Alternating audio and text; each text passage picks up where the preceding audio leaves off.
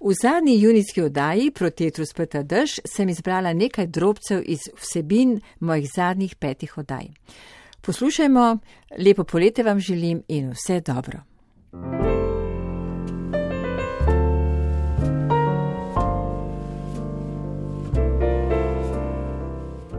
Nec Cijan Garlati, zdaj se pogovarjava tik pred premjero predstave Mati v režiji Juša Zidarja, s katerim ste že večkrat sodelovali. Takrat bo stopil na oder Leon Jeguljevski. Janina Jeguljevska, Silva Čušin je vaša mati. Uh, Silva Čušin in vi, njen sine. Je bilo to vznemirljivo, ko ste zvedeli, da boste skupaj nastopili? Izredno vznemirljivo. Um, jaz Silvo, zdaj lahko rečem Silva, kar si štejem v nevrjetno čast. Že zelo dolgo občudujem na odru. In ko sem zvedel, da bo igrala mojo mamo, sem bil seveda zelo počaščen, da lahko sploh stojim zraven nje. Potem je prišel malce, tudi moram reči, strah iz vsega tega občudovanja, ki ga imam do nje. No.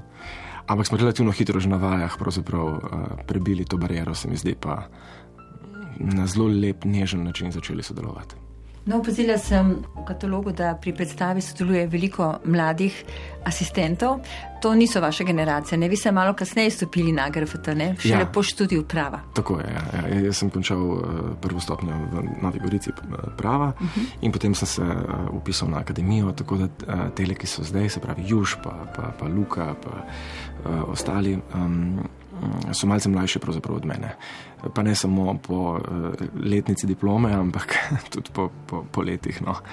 Ampak z njimi je zelo, mislim, to moram povedati. Uh, se pravi, z mlajšimi od tebe je vedno se mi zdelo znamirljivo sodelovati, zato ker vedno prinesajo še nekaj novejšega, pravzaprav od tega, kar je tebe mogoče v nekem trenutku gnalo. Zato je to vedno neka taka, še dodatna osvežitev, no, ne vem, lepa stvar. Kako ste se vi vživeli v to vlogo Leona? Kje ste mu blizu, kje, kje vas vznemirja, kje pa vam gre mogoče celo na živce? Najbližje se mi zdi, da mi je v prepoznavanju um, nekih idealov, ki sem jih recimo, pa ki jih še vedno imam, še vedno imam. Ampak recimo sem jih imel veliko bolj prisotne pred desetimi leti, kot so prisotni zdaj. Ker so se te ideali do neke mere umaknili, naredili prostor kompromisom, ki omogočajo udobje. To, kar imenujemo lahko odraščanje, lahko pa tudi rečemo smrt ideala, smrt tega mladostniškega zanosa po, po spreminjanju sveta, želje po spreminjanju sveta za ceno udobja.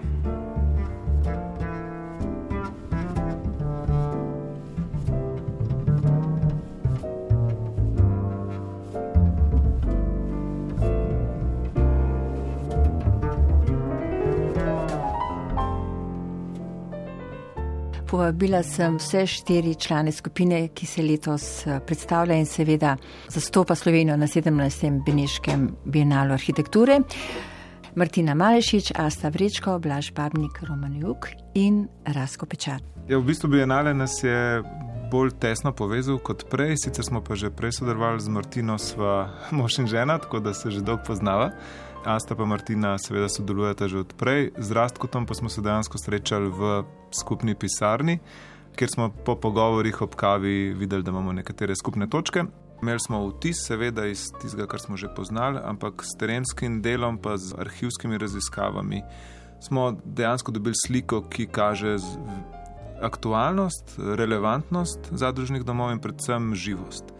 Tako da od vseh domov, ki smo jih našli, okrog 330, pa mhm. prepričani smo, da se še kaj kakšno skriva, je več kot slabih 90% še vedno živih. V mhm. smislu, da so v rabi, v veliki večini v javni rabi in v javni lasti. Pri zadružnih domovih gre za neko kontinuiteto rabe. Ne?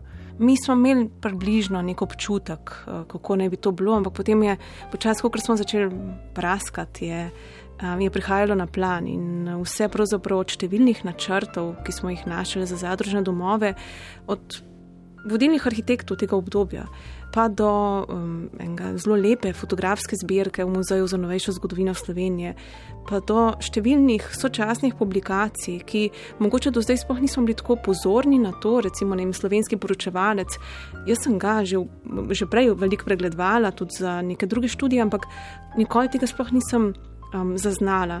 Um, in kar naenkrat smo v bistvu opazili, da, da je bila ta tema res zelo pomembna, da se je um, pojavljala recimo na prvih straneh slovenskega poročevalca sočasno z nekimi drugimi pomembnimi političnimi dogodki, vem, pogovora Tita Stalinom in tako naprej. Skratka, je bil to eden vodilnih projektov v teh prvih, recimo, dveh do treh let to je ta raznolikost zadružnih domov, da v bistvu še danes igrajo različno vlogo znotraj kulturne politike, hkrati pa nudijo predvsem oporo tem ljubiteljski kulturi, javnemu skladu za kulturo in dejavnostim skupnosti, kar pa je posebej pomembno. Ne? Veliko primerov smo spoznali športnih aktivnosti in tako dalje.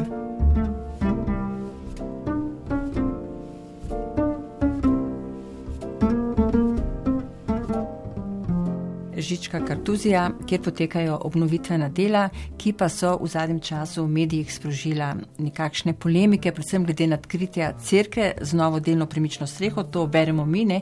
Matej Klemenčič, vi in ostali vaši kolegi ustrajate pri tem, da jo je treba ohraniti kot ruševino. Ne? Ja, eh, no pač vsekakor gre za eno najpomembnejših kartuzij, ki so se ohranile z nastankom v drugi polovici 12. stoletja in potem z prvimi ustalinami, ki so tudi do danes v bistvu že iz tega časa, iz poznega 12. stoletja recimo. In potem pa je bila kartuzija seveda večkrat prezidana, predelana, ne tja do uh, obdobja baroka.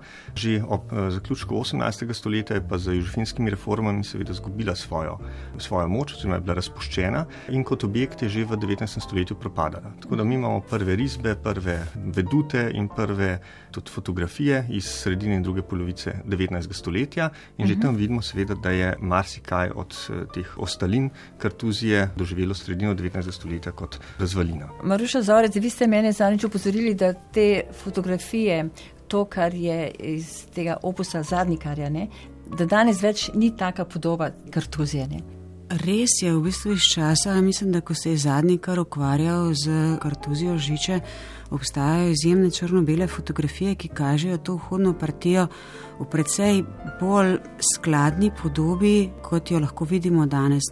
Obiskovalec, ko pristopa k kartuziji, v bistvu vstopa skozi vrata, ki dejansko so bila po vsej verjetnosti na majhna vrata, ki so vodila na vrt. Originalni vhod v kartuzijo je bil veliko bolj vzdolž potoka na vzgor, z ene večje ožine preko enega mostu in je pristopil tako do cerkve, kot do trajnosti celega kompleksa z druge smeri. Skratka, že pot danes ni več. Po trasi, ki naj bi bila recimo avtentična. Dočim tudi sama podoba tega vhodnega dela, ki je bil v veliki meri rekonstruiran, pravzaprav je drugačna od teh fotografij. Takrat je verjetno prišlo do odločitve, da se bodo te strehe v bistvu rekonstruirale v skladu z nekimi drugimi skicami, temi risbami, vedutami, ki so bile starejše. Po drugi strani pa vnašal ta celoten kompleks neke vrste neskladje, namreč treba je kartuzijo gledati kot celoto, kjer je bistven element tega celega kompleksa bila definitivno crkva in ta je ena redkih crkva, ki je res ohranjena s svojim celim ustenjem. Druga stvar je bil mali križni hodnik in zraven je bil še veliki križni hodnik. To so trije ključni elementi te kartuzije. Danes pa, ko pravzaprav obiskovalec pride sem, se mu zdi, da je najpomembnejše to, kar je rekonstruirano. In mislim, da je pomembno in potrebno gledati ta kompleks kot eno celoto. In ko se sprejema odločitve glede nadaljnih posegov, predvsem vrednotiti uh, te elemente po njihovem pomenu in tudi vse posege na njih glede na ta njihov pomen. Žička kartuzija za današnji čas in seveda za prihodnje rodove, ki jo je treba ohraniti, ampak za današnji čas, za današnjega človeka, da dobi nek pomene, neko ohranjeno vrednost uh, dediščine in tega, kar mi zdaj živimo. Ne? Ja, vsekakor. Predvsem je treba najti res neko vsebino in po mojih informacijah je tudi v teh pogovorjih med uh, eh, delovno skupino Zavod za varstvo kulturne dediščine, odgovornim konzervatorjem in projektantom z eh, lokalno skupnostjo prišlo že do nekih novih, nekih novih idej, ki bi peljali kasnejšo rekel, uporabo tega že urejenega prostora kartuzije v novo smer, skratka stran od teh nekoliko poceni rešitev. Je pa res to, kar pravi Matej, v bistvu upravljanje takega spomenika je zelo pomembno. Tudi ko smo študenti, v bistvu se s kartuzijo pred nekaj leti ukvarjali, večina od njih je kot neko novo vsebino tam videla prostor tišine. To je nekaj, kar danes v našem času tudi tako zelo pogrešamo in iščemo.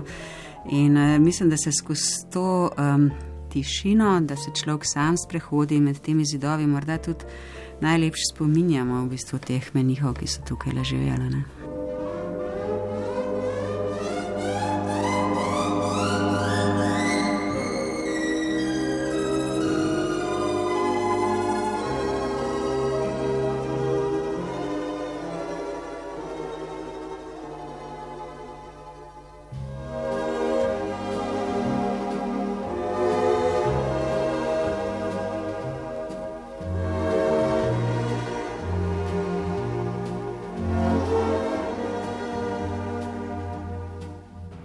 Marko Mandič, tvoja odlična interpretacija pisatelja v predstavi Nočni pisec vsestranskega umetnika Jana Fabra je po vsem tem obdobju epidemije, po tej dolgi pauzi, bila v bistvu to moja prva predstava, ki sem si jo ogledala v živo.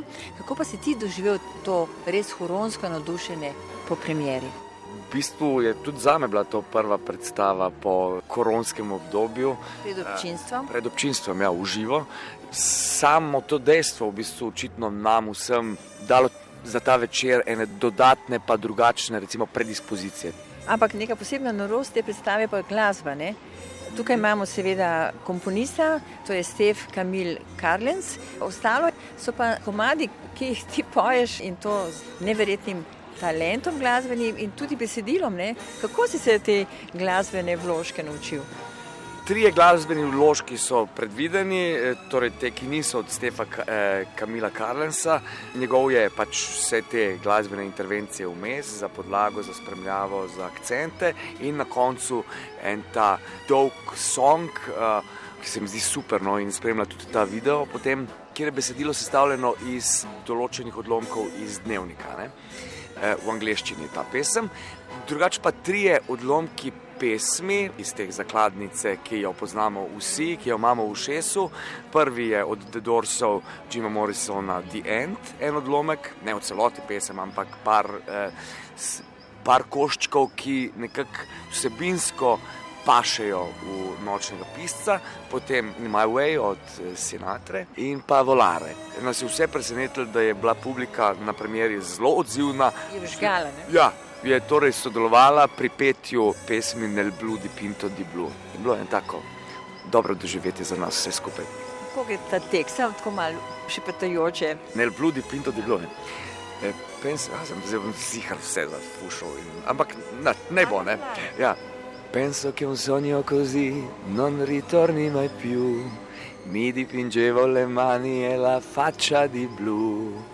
Poi d'improvviso venivo dal vento rapito e incominciavo a volare nel cielo infinito.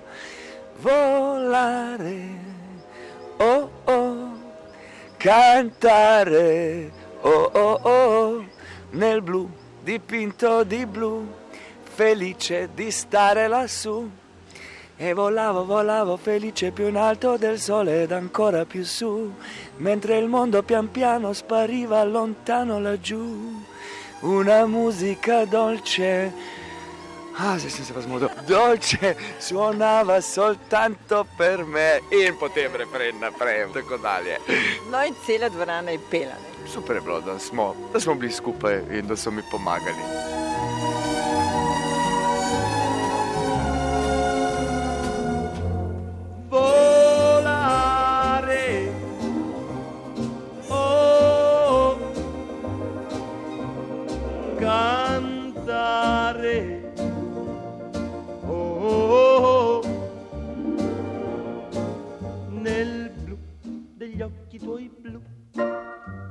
felice di stare qua giù. E continuo a volare felice più in alto del sole ed ancora più su. Mentre il mondo pian piano scompare negli occhi tuoi blu. La tua voce è una musica dolce che suona per me. Oh!